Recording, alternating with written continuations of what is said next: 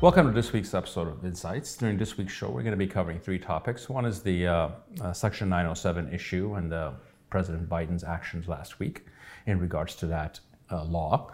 Uh, the second one is going to be we're going to be going to the Prime Minister's pr- press conference last week uh, and many of the topics that he covered. And third, we're going to be talking about the NATO summit in Madrid last week and what came out of it. Uh, on the issue of Section 907, let me just give a little bit of a background. In 1992, there was a law passed in the United States that essentially banned any aid to the Baku regime as long as it kept threatening Artsakh and Armenia.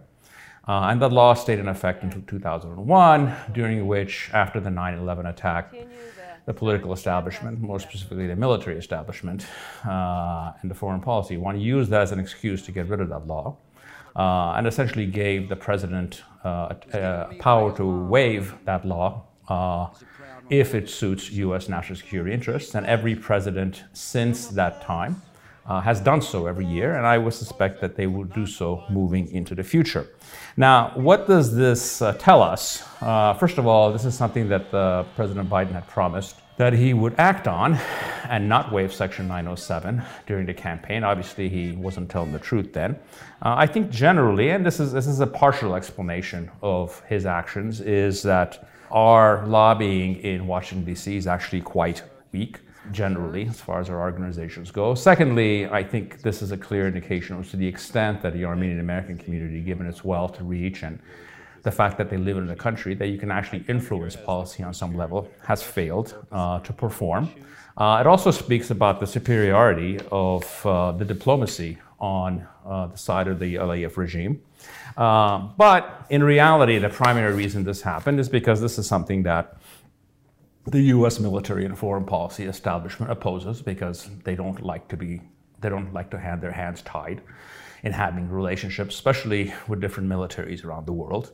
Uh, this we are better off not wasting time in trying to win this war because we're not going to win it, and we're much better off focusing on things that create military parity, i.e., if they get a dollar, the Armenian side gets a dollar. That's a much better it's a much better grounds to fight on and the one that's far more likely to be fruitful. Let's move on to the second topic of the week, which was the Prime Minister's long press conference last week.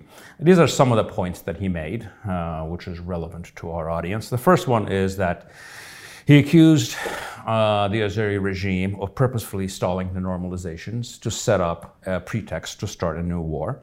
He specifically uh, accused the Baku regime of canceling high level meetings with Armenian officials to reach that purpose. He uh, called them out for breaking their promise and returning all Ill- illegally held Armenian POWs and refusing to uh, engage in efforts to demark the borders. Still, after all of that, he doubled down, saying that uh, there is no way forward except the peaceful way forward, uh, and that the peace agenda has no alternatives in direct quotes. All the while insisting that this cannot be one sided and that uh, he has no illusions about uh, the Aliyev regime's ultimate goals and intentions, which I was actually very glad to hear that. Now let's move on and analyze what he was saying. Uh, if you look at it in, to- in, totality, and essentially what he's saying is 100% correct. Uh, it's very simple. Uh, it's very easy to understand that the uh, the Aliyev regime will do uh, everything in its powers not to have uh, peace or any kind of a settlement that doesn't include war and aggression, for a very simple reason, and that is because it does not serve the interests of the regime. Uh, the Aliyev regime's interest is not the interest of the country or her people. They, uh, it, their only interest is whatever keeps them in power. And given the fact that his regime offers nothing to his people, can't offer prosperity, can't offer freedom, all they can offer is war and aggression and the nationalist glory that comes with that. And we sort of see, we've seen this manifested over the last two weeks. Uh, two days ago, there were shootings uh, at, the, the, Armenian village of Khachik. And uh, 10 days ago, an Armenian soldier was shot and killed on one of the border posts uh, on the Western Front. Uh, uh, Aliyev's goal is always going to be to create conditions that does not lead to peace. Uh, and I think the only thing that has actually changed the equation here, from what we understand, is actually intense pressure from multiple Western sources, whether it's the EU and the United States, to force him to partake in these negotiations. He is not doing so uh, willingly. Uh, the only thing in the long run that will change his calculation is not outside pressure or political deals or any kind of an understanding. It's going to be military strength on our side. Frankly, any other expectations are frankly illusions. Let's move on to our last topic, which was the big NATO meeting last week. Uh, the big topic of that meeting was the sort of the unblocking of the Turkish opposition to the entry of Finland and Sweden into NATO. However, the story is going to be ongoing because the way this works is not only does the country need to agree, all 30 countries need to agree to allow new members, all 30 parliaments have to pass laws. Uh, and uh, this is something that the uh, Erdogan regime is going to use to continually cause problems and to uh, blackmail Western countries to get more and more of what it is demanding. Uh, the background of their opposition, which is farcical in nature, uh, was that Finland and Sweden uh, support terrorism, which uh, last I checked, you know, they, those countries have not been involved in terrorism since the time of the Vikings.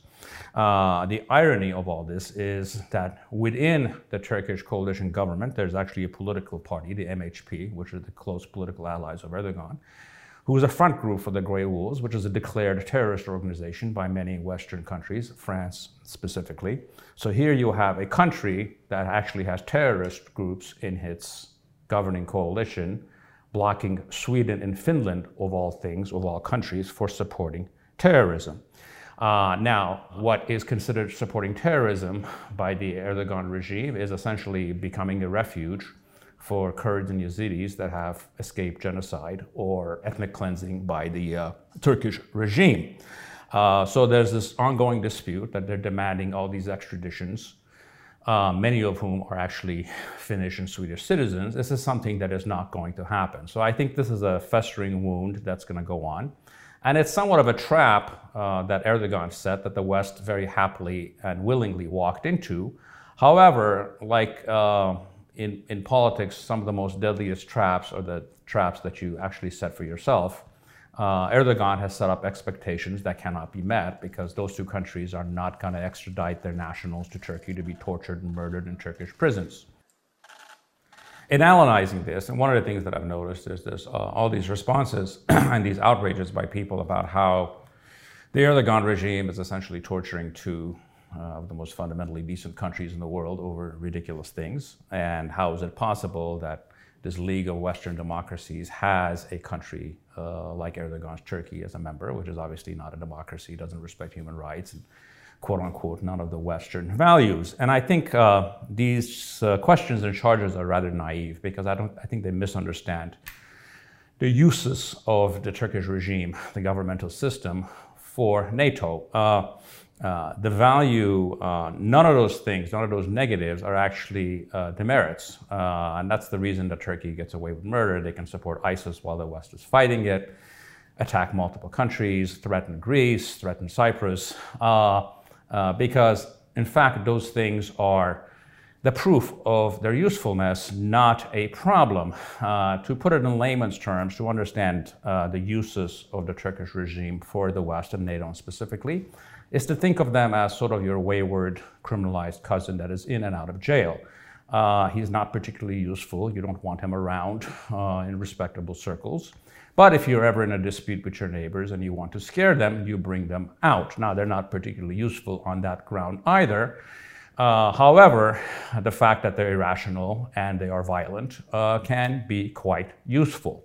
So I think these people who expect the West to sort of walk away from Turkey because of its criminal behavior really are rather naive and don't understand how things work in the bigger scheme of things.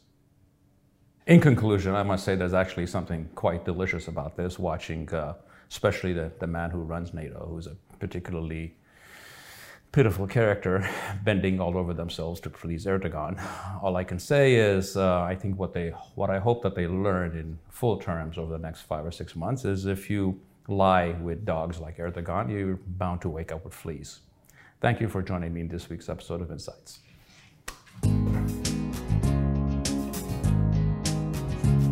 Beware, beware of the handshake that hides the snake Can you dig it? Can you dig it? I'm telling you, beware, beware of the pat on the back. It just might hold you back. Jealousy, jealousy, misery, misery, envy. I tell you, you can't see behind smiling faces. Smiling faces tell lies. I got